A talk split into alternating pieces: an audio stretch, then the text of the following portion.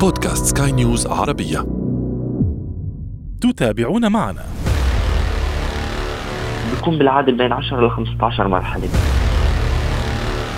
كان هو يبلش بفرنسا وينتهي بدكار. هي سيارات ممكن تشوف شكلها مشابه لسيارة موجودة على الشارع لكن هي مختلفة جدا. محركات.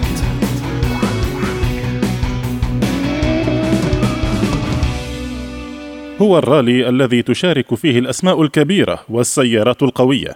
فيه خلاصة الخبرة والتحمل. اليوم نتعرف على رالي دكار. أهلا بكم. أنا أشرف فارس وأصحابكم في هذه الحلقة الجديدة من برنامج محركات حيث نساعدكم في تقوية ثقافة المركبات لديكم. حلقتنا اليوم رياضية بامتياز. رالي دكار رالي الكبار كما يسمونه أحيانا. السباق والمنافسة على أشد الطرقات وعورة والذي تنقل بين عدة دول ليس آخرهم المملكة العربية السعودية. فما الذي يميز هذا الرالي عن باقي سباقات الرالي العالمية وما الصعوبة فيه؟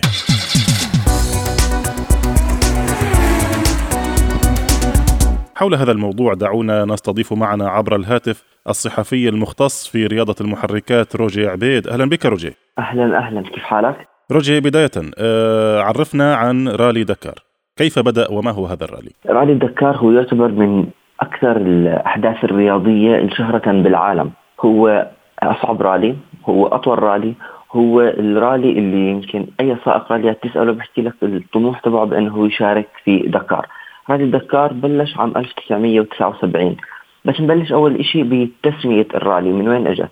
فكرة الرالي هي كانت بأنه السائقين بيطلعوا من مدينة باريس من فرنسا لمدة تتراوح بين 10 ل 15 يوم ليوصلوا لمدينة دكار بالسنغال اللي هي عاصمة السنغال.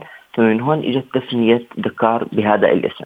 رالي دكار هو معروف بأنه هو من الراليات الطويلة راليات اللي فيها مش بس صحراء هي بتختلف فيها طبيعة الطرقات. عم نحكي سائقين بيقطعوا مسافات توصل أحيانا لل 10000 كيلو متر ليش هو واحد من أصعب هاي الراليات؟ لأنه كل stage تقريبا مرات بتوصل 800 ل 900 أو حتى ال 1000 كيلو متر.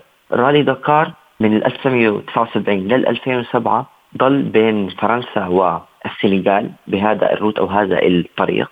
بعد هيك من 2009 ل 2019 انتقل لأمريكا الجنوبية بآخر ثلاث سنين 2020 21 و 22 كان موجود بالمملكة العربية السعودية وراح يستمر بمنطقة الشرق الأوسط. أنت قلت يعني عشر ألاف كيلو قد تصل مسافة الرالي وهذه مسافة كبيرة. نحن نتحدث عن مسافة تصل إلى قطع الكوكب تقريبا. حدثني هنا عن تنظيم الرالي يعني وضح هذه النقاط. كم مرحلة في الرالي؟ من أين يبدأ؟ كيف يبدأ؟ أعطيني هذه التفاصيل. راس ذكر أنت ذكرت أنه هي مسافه طويلة. هلأ في نوع من أنواع الراليات هي الكروس كانتري واللي هي الراليات الصحراوية القصيرة بتكون لمدة يومين لثلاثة. دكار هو من الراليات الصحراوية الطويلة اللي مثلا بدكار 2022 بالمملكة العربية السعودية كان بشهر واحد 2022 بواحد واحد وانتهى قبل عدة أيام ب 14 واحد. كم مرحلة؟ آه، بيكون بالعادة بين 10 ل 15 مرحلة. باليوم الواحد فقط بيقطعوا السائقين مرحلة واحدة. ان كان طبعا سيارات دراجات أو ال trucks نحكي عن هذا الموضوع أكثر. كيف التنظيم بصير بأنه ببداية كل stage السائقين والملاح اللي معه بيعطوهم آه ال road book أو الكتيب اللي هو فيه الإرشادات للطريق. ما بيأخذوهم السائقين من قبل مثلا بيوم أو يومين. يعني بيجوا السائقين على كل مرحلة هم مش عارفين الطريق. ليش تيجي صعوبة رالي دكار؟ رالي دكار تيجي صعوبته لأنه السائقين ما عندهم طريق واحد. يعني نيجي نحكي بطولة العالم للراليات. الطريق معروف للسائقين. يعني السائق ما راح يخربط بالطريق هو ماشي فعليا بطريق إن كان طرق معبدة أو مثلا صحراوية أو ثلجية. بس بدكار أنت بتكون بالصحراء بدكار السعوديه هاي السنة أنت كنت جوا الصحراء انتقل بلش السباق من مدينة الحائل وانتهى بجدة. كل يوم ستيج أو كل يوم مرحلة. والسائقين قبل بداية المرحلة بياخذوا الإرشادات وين الطريق. وإنت جوا الصحراء إنت بتاخذ أسرع طريق ممكن لتوصل من نقطة البداية لحتى نقطة النهاية. التنظيم طبعا التنظيم هو مش تنظيم سهل لأنه إنت عندك مسافات طويلة عدد السائقين وصلت ل 750 سائق مشاركين بدكار 290 سائق و 209 سائقين آسف هم سائقين جداد أول مرة بيشاركوا. فالتنظيمات من ناحية الأمان من ناحية التوفير انت عندك كل المستلزمات للسائقين موجودة بكل مرحلة. عن نقطة البداية على مدار المرحلة. طبعا في الاسعافات في الدفاع المدني دائما في طائرة هليكوبتر بتكون طائره في حال صار أي عطل مع أي سائق أو حادث لأنه بدكار تصير كثير الحوادث بيكون في هناك يعني جاهزية كثير كبيرة لإنقاذ هدول السائقين.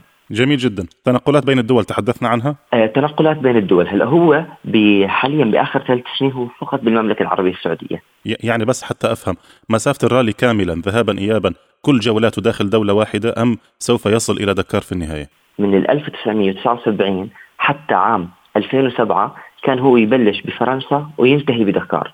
لكن بال 2008 صارت بسبب التهديدات في موريتانيا لأنه هو رالي كان يمر بموريتانيا. التغى رالي دكار بال 2008 وبعدها قررت إدارة أو الاتحاد الدولي للسيارات بأنه يغيروا من المسار يصير بأمريكا الجنوبية إما بدولة أو بعدة دول. وبعدها بسبب كورونا هلأ عم نشوفه فقط في دولة واحدة واللي هو بالسعوديه أنا اعطيت هاي المعلومة. بدءا من الموسم القادم أو 2023 رح يكون رالي دكار مش بس بالسعوديه بمنطقة الشرق الأوسط والخليج. يعني لسه ما أقروا شو الدول رح يمر فيها لكن رح يمر بعده دول لأنه هي هاي فكرتهم. أنت تطلع من كانت الفكرة الأساسية تطلع من فرنسا تمر لحد ما توصل دكار دول مختلفة طبيعة مختلفة ظروف جوية مختلفة آه، تمر بصحراء بطرق وعرة. هي هاي كانت فكرة دكار. لكن للأسف بسبب الأحداث اللي عم نشوفها بالعالم تغير مسار دكار لكن الاسم ضله ثابت. فهو فكرته يمر بعدة دول وليست دولة واحدة. لكن بسبب كورونا فقط كان بالمملكة العربية السعودية. طيب جميل. يعني هذه الخلاصة أنه لم يعد مرتبطا باسمه الأصلي أنه مرتبط بمدينة دكار الفرق بين كل دولة وأخرى يعني الآن نحن نعرف بأن الطبيعة في السعودية صحراوية فقط. هل رالي دكار يركز على السباقات الصحراوية الصرفة أم يركز على الطرق الجبلية؟ هل يختار الطرق السريعة غالبا أم قد تكون هناك طرق وعرة وبطيئة؟ نحن نشاهد بعض الطرق شديدة الوعورة استحالة السرعة فيها. رالي دكار هو بركز على الطرقات الصحراوية بشكل رئيسي وكثير كبير لأنه هو آه، من زي ما حكيت لك هو ما يعرف باسم الرالي ريد واللي هي رالي أو الراليات الصحراوية الطويلة. فإذا تركيزه هو على الصحراء. عشان هيك على فكرة بالمملكة العربية السعودية نجح الرالي لمدة ثلاث سنين. لأنه الطبيعة مناسبة جدا لفكره دكار لكن بنفس الوقت بنشوف إنه في راح يكون في تغير بالطبيعة. لكن تركيزه أكيد راح يكون على الطرق الصحراوية الطرق السريعة. يعني السائقين ما راح تلاقيه ماشي بطيء لحتى يخلص الرالي. لا هي دائما في سرعة عالية للسائقين. طيب جميل جدا.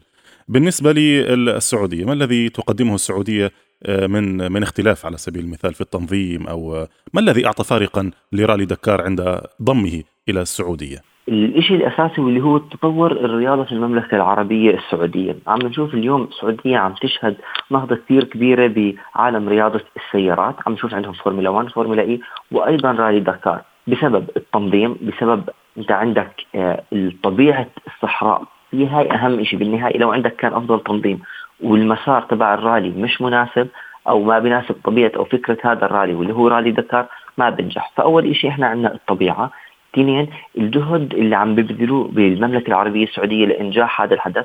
2022 كان جدا ناجح. 21 كان ناجح. و22 كان من أفضل راليات دكار اللي شهدتها من 1979 أنت عندك آه، السائقين في حال صار أي شيء عندهم موفر لهم كل شيء من الأمان من أنت عندك النقل في المستشفيات آه، أنت عندك السيارات الدفاع المدني آه، الهليكوبتر. فالتنظيم كان جدا ممتاز. وبالإضافة بأنه السائقين أوكي عددهم كثير كبير لكن أشهر سائقين كانوا راضيين جدا عن آه، الدكار بالسعوديه عشان هيك شفناه استمر وراح يستمر. فاليوم جدة عم تعطيك أنت عندك ثلاث شغلات. الطبيعة واللي هي مناسبة لفكرة رالي دكار. اثنين التنظيم الممتاز. ثلاثة واللي هو تطور رياضة السيارات بالمملكة العربية السعودية. طيب أنت قلت أفرقة كثيرة مشاركة في هذا الرالي.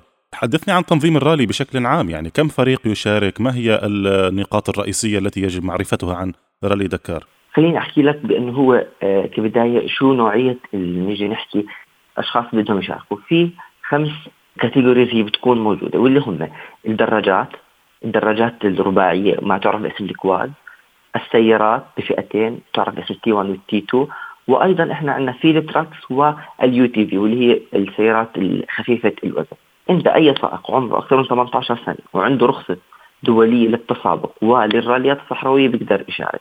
هلا بالنسبة لعدد الفرق آه، اليوم برالي دكار وصل عدد السائقين المشاركين 750 سائق. توزعوا بين دراجات بين سيارات أو بين شاحنات. أحكي لك عن الاختلافات بينهم أو كل فئة منهم. أول شيء الدراجات آه، بتكون سعه المحرك فيها فقط 450 سي سي. ممنوع تتعدى هذا الشيء طبعا هي دراجات صحراوية مش زي الدراجات اللي بنشوفهم الهارلي. اثنين إحنا عندنا بنروح لل quad واللي هم الدراجات اللي بأربع عجلات أو مرات بنسميهم إحنا ال buggy طبعا ساعتها بتكون بإما 750 سي سي أو 900 سي سي لفئة الدفع الرباعي. بعدين في عندنا السيارات الخفيفة الوزن أو هي ما تعرف أحيانا باسم ال UTV. وسعتها بتكون من 130 لتر ل 250 كيلو متر واللي هي هاي سعه الخزان فيها. طبعا عم بحكي لك اياهم هدول مواصفات السيارة المشاركة وكثير دقيقين بذكر إنه يعني ممنوع تتعدى هذا الشيء بالنسبة للسيارات في فئتين فئة التي 1 وفئة التي 2 هم سيارات بروتوتايب هي سيارات ممكن نشوف شكلها مشابه لسيارة موجودة على الشارع لكن هي مختلفة جدا فقط بالشكل. طبعا من أشهر الناس اللي شاركوا عليهم معروف البطل القطري والعربي واللي هو ناصر العطية. شارك على سيارة هي تويوتا هايلوكس لكن هي ما لها أي دخل بالبيك اب الهايلوكس اللي موجود بالشارع. اللي بالمناسبة على على موضوع الهايلوكس. بيذكرني روجيه بمشهد انتشر عبر مواقع التواصل الاجتماعي لسيارة في الرالي كانت تقود على على طريق صحراوي منبسط في تقود بسرعة عالية وتسبقها سيارة بيك اب من إحدى الشركات اليابانية دون ذكر اسم الشركة حتى لا نقوم بدعاية لها. آه، تسبقها تلك السيارة. لكن الأقاويل التي اشتهرت أو انتشرت عن هذا المقطع بأن تلك السيارة المدنية بالمناسبة التي سبقت سيارة الرالي. كانت سيارة معدلة ومزودة وليست مؤهلة لخوض الرالي لمسافة طويلة. لا أعرف هل فعلا سيارات البيك أب لديها هذه القدرات أم هي فقط حالة فريدة من نوعها؟ يعني هي كانت لما عملوا المقابلة مع الشخص اللي كان بهذا البيك أب تبعه الكل شاف هذا الفيديو هو حكى بأنه هو أول شيء كان بعيد عن المسار. ولأنه هو عايش بهديك المنطقة فهو عارف الطريق أفضل من أي متسابق آخر يعني كل يوم بروح بالصحراء هاي. وهو بس حب بأنه يعني شاف إنه حتى حكى بالفيديو بأنه بالهليكوبتر اللي عم بيصور أعطوهم إشارة بأنه إذا بدك تكمل كمل وإحنا رح نصورك. هي كان لقطة جدا جميلة منهم. خليني أحكي لك كمان بالنسبة حكينا عن تغطيه التصوير والهليكوبتر. رالي دكار بيتم بثه لأكثر من 190 دولة بالعالم. هذا يبين أهمية هذا الرالي. يعني إحنا دكار 2022 تم بثه لاكثر من 190 دولة في العالم يعني بالحديث عن تلك المقابلة التي ذكرتها أنت يعني ربما ينطبق عليه المثل القائل أهل مكة أدرى بشعابها وأهل السعودية أيضا أدرى بصحرائها. دعنا نعود إلى الرالي، كيف يكون الفوز إذا كانت هناك فئات كثيرة؟ كم مدة الرالي اولا؟ وثانيا كيف يتم آه، انطلاق السائقين؟ آه، كيف يتم احتساب الفائز؟ كيف يتم احتساب الأوقات الضائعة؟ أعطيني هذه التفاصيل.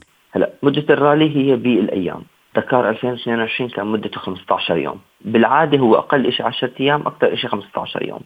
حاليا هاي السنة بلش بواحد واحد وانتهى ب 14 واحد 2022 صحيح في العديد من الفئات لكن كل سائق بتنافس مع فئته. أنا إذا سائق على دراجة بتنافس مع الدراجات. وممكن خلال الستيج الوحدة تشوف دراجة وشاحنة سيارة بس هدول ما بينافسوا بعض. كل واحد بينافس لحاله. كيف يحسب الفائز على الزمن؟ يعني مين بخلص كل ستيج أو كل مرحلة بأقل وقت. طبعا أكيد بيكون في عقوبات. ممكن إذا السائق مثلا عمل حادث ممكن أنت عندك ياخذ عقوبة. إذا توقف للصيانة صار معه بنشر صار معه أي شيء ممكن يصير بدكار ما في شيء محدد. هاي مثلا بأول شيء بتزيد من الوقت اللي عنده وممكن ياخذ عليه عقوبات. لكن هو نهايته مين؟ بخلص الرالي بكل مرحلة بأسرع زمن يعني بأبسط أشكالها. رالي دكار مثلا بلش ب السعوديه مثلا بواحد واحد. شفنا إحنا عندنا بكل ستيج أو بكل مرحلة سائقين بفوزوا مره ناصر العطيه بفوز مرة إحنا عندنا مثلا بفوز سائق آخر. لكن هي بالنهاية بعد ما تخلص ال 14 مرحلة 15 مرحلة يحسب الزمن ومين بيكون بالمجموع الكامل. أنهى الرالي من بدايته لنهايته بأسرع زمن. بأنه هو زي الراليات اللي بنشوفهم طول العالم الراليات بنشوف أكثر من مرحلة ومين بنهي كل مرحلة بأسرع زمن. نفس الشيء رالي دكار لكن هي الاختلاف بأنه ما تكون المرحله مثلا 7 8 كيلو عم تكون المرحله 900 ل 1000 كيلو. يعني هو سباق تحمل للرالية. طيب الجوائز في هذا الرالي ما هي هذه الجوائز؟ طبعا الجوائز هي أكيد زي أي نوع من الأحداث الرياضية بيكون في إحنا مناصب تتويج المركز الأول الثاني الثالث. الأول هو بياخذ الكأس بياخذ بيكون على منصه التتويج الثاني الثالث. بعد هيك ما لهم أي تتويجات. وهاي بتنطبق على جميع على الدراجات على الشاحنات. على الكواد على أيضا إحنا عندنا السيارات الخفيفة وأيضا السيارات. بالنسبة بس أحكي شغلة بانه هو مين أكثر الأشخاص اللي فازوا برالي دكار أكثر سائق فاز برالي دكار بالنسبة للسيارات واللي هو الفرنسي ستيفان بيتر هانسل. فاز فيه ثمان مرات. طبعا شيء طبيعي لأنه الرالي أصلا بلش من فرنسا فرح تتوقع مشاركة أصلا للسائقين الفرنسيين. وهو أكثر واحد فاز بال stage ات ب 49 stage وأيضا يوجد شخص آخر أو سائق فنلندي اسمه آري فاتانين ب 50 فوز لكن الشيء المميز بأنه ثاني أكثر شخص فاز برالي دكار واللي هو ناصر العطية.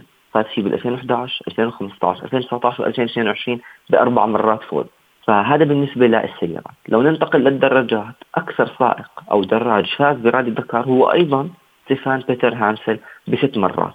فهون عم نشوف لهذا السائق الفرنسي سيطر على رالي دكار لكن حاليا عم نشوف إحنا عندنا زي ملقب بزعيم دكار واللي هو ناصر العطية. الفوز بدكار مش سهل. هيك حاب أعطيك اختلاف بينه وبين الرالي العادي. الرالي العادي السائقين جميعهم عارفين الطريق. يعني مستحيل تشوف ببطولة العالم للراليات سائق أخطأ بالطريق لأنه هو فعليا جوا طريق ماشي. ينتقل من النقطة ألف البداية حتى النهاية. لكن بدكار أنت بتكون بمنطقة مفتوحة. أنت جوا الصحراء. ممكن تطلع على تلال ممكن أنت عندك تروح على منطقة يمكن وعرة أكثر ممكن تنتقل من طبيعة إلى أخرى. فهون تكت... أو الصعوبة. اثنين بالراليات العادية السائقين بيكونوا عارفين يعني الطريق عارف الكوربات أي غيار بده يفوتهم. بدكار قبل بداية المرحلة أو ال stage بينعطى لهم ال road book. ال road book واللي هو بيكون فيه التعليمات للطريق والإحداثيات. فهاي الشغلة الثانية الصعبة أنا رح أحكي لك إياها أنا التقيت بناصر العطية الصيف الماضي وكنا عم نحكي أنا وياه عن تجهيزاته لرالي دكار. كان هو موجود بالأردن. بحكي لي رالي هو شارك معروف ناصر العطية بطل عالمي وشارك بالعديد من أنواع الراليات. بحكي دكار هو شيء مختلف حتى مختلف عن سباقات نجي نحكي صحراوية قصيرة إلباها. ممكن بأي نقطة يصير معك خطأ خلل. أنت بتكون بمنطقة ما فيها حدا. ممكن تكون أنت سائق لحالك ومثلا نيجي نحكي السيارة اللي بعدك تيجي بعد فترة طويلة. فبحكي هون إحنا التجهيزات لنا والتدريبات اللي بنقوم فيها هي مختلفة جدا عن أي شيء بالعالم. من الصيف الماضي كان ناصر العطية عم جهز حاله ذهنيا لسباق دكار اللي صار بشهر واحد. عم نحكي عن فترة طويلة كانت. فهون تكمن صعوبة دكار وهون متعة دكار. نشوف نسبة المشاهدة لدكار كثير كبيرة لأنه أنت عندك عم بتشوف سائقين عم بيطلعوا بأول يوم بمنطقة وبينهوا الرالي بمدن ويعني زمان كان ببلدان ثانية. فهي الاختلافات الرئيسية بين دكار وبطولة العالم للراليات. جميل. أنت يعني تركز في الذكر على الأسماء الكبيرة بيتر ستيفن هانسل ناصر العطية. لكن أنا هنا عندي سؤال عن الفرق المشاركة. يعني هل هل هو هذا الرالي محصور على فرق كبرى؟ هل هناك اشتراطات معينة على حجم الفريق أو على حجم المشاركات أو على آه، جوائز مسبقة؟ هل هو مرتبط ب سي بالرالي العالمي على سبيل المثال؟ أم يعني كيف يتم استقبال المشاركين في رالي دكار؟ هلا بتم استقبال السائقين بأنه أول شيء يكون عمر السائق أكثر من 18 حاصل على رخصة تسابق دولية من اتحاد دولي السيارات وأيضا حصل على رخصة تسابق للراليات الصحراوية ال cross country. وبيقدر بعدين يشارك. هلأ كل ما تزيد إمكانيات الفريق وخبرته أكيد كل ما بتزيد أنت عندك فرصه الفوز برالي دكار. لكن لو نفوت على موقع رالي دكار رسمي أنا اليوم كرجل بدي أشارك لازم توفر عندي هدول ثلاث شغلات الرخصة عمري أكثر من 18 وأيضا رخصتي لل cross country أو الراليات الصحراوية. طبعا بيشترطوا بأنه بنفس السنة هدول السائقين جميعهم لازم يشاركوا بحدث رياضي آخر من ضمن الاتحاد الدولي للسيارات وهو يفضل بأنه يكون للراليات لكن غير هيك ما بيكون أي آه، اشتراك ثاني أنت فريق معك بجت قليلة بتقدر تشارك وأنت فريق كثير كبير مثل تويوتا مثل هوندا فرق بنشوفها مدعومة من ريد بول أنت بتقدر تشارك. لكن كل ما تزيد خبرتك وكل ما تشارك أكثر براليات صحراوية قصيرة. وأيضا الراليات المحلية أو حتى بطوله العالم للراليات بتساعدك بانك أنت تتأقلم مع أي ظروف بتصير معك برالي دكار فقط لا غير. يعني واحد معاه فلوس ومعاه سيارة آه، ليس من السهولة أن يصل إلى رالي دكار. السهولة أنك تصل لرالي دكار بس الصعوبة بأنك تنهي الرالي. طبعا هو الفارق بين بين السائق الغر وبين السائق المحترف. على كل حال أنا أشكرك يا روجي. هذه الحلقة في غاية الجمال وقد تكون بالمناسبة الحلقة الأخيرة لنا في رياضة. المحركات في برنامج محركات. أشكرك مرة أخرى. كنت معنا من العاصمة الأردنية عمان الصحفي المختص في رياضة المحركات روجي عبيد شكرا لك روجي شكرا شكرا ليلى. محركات.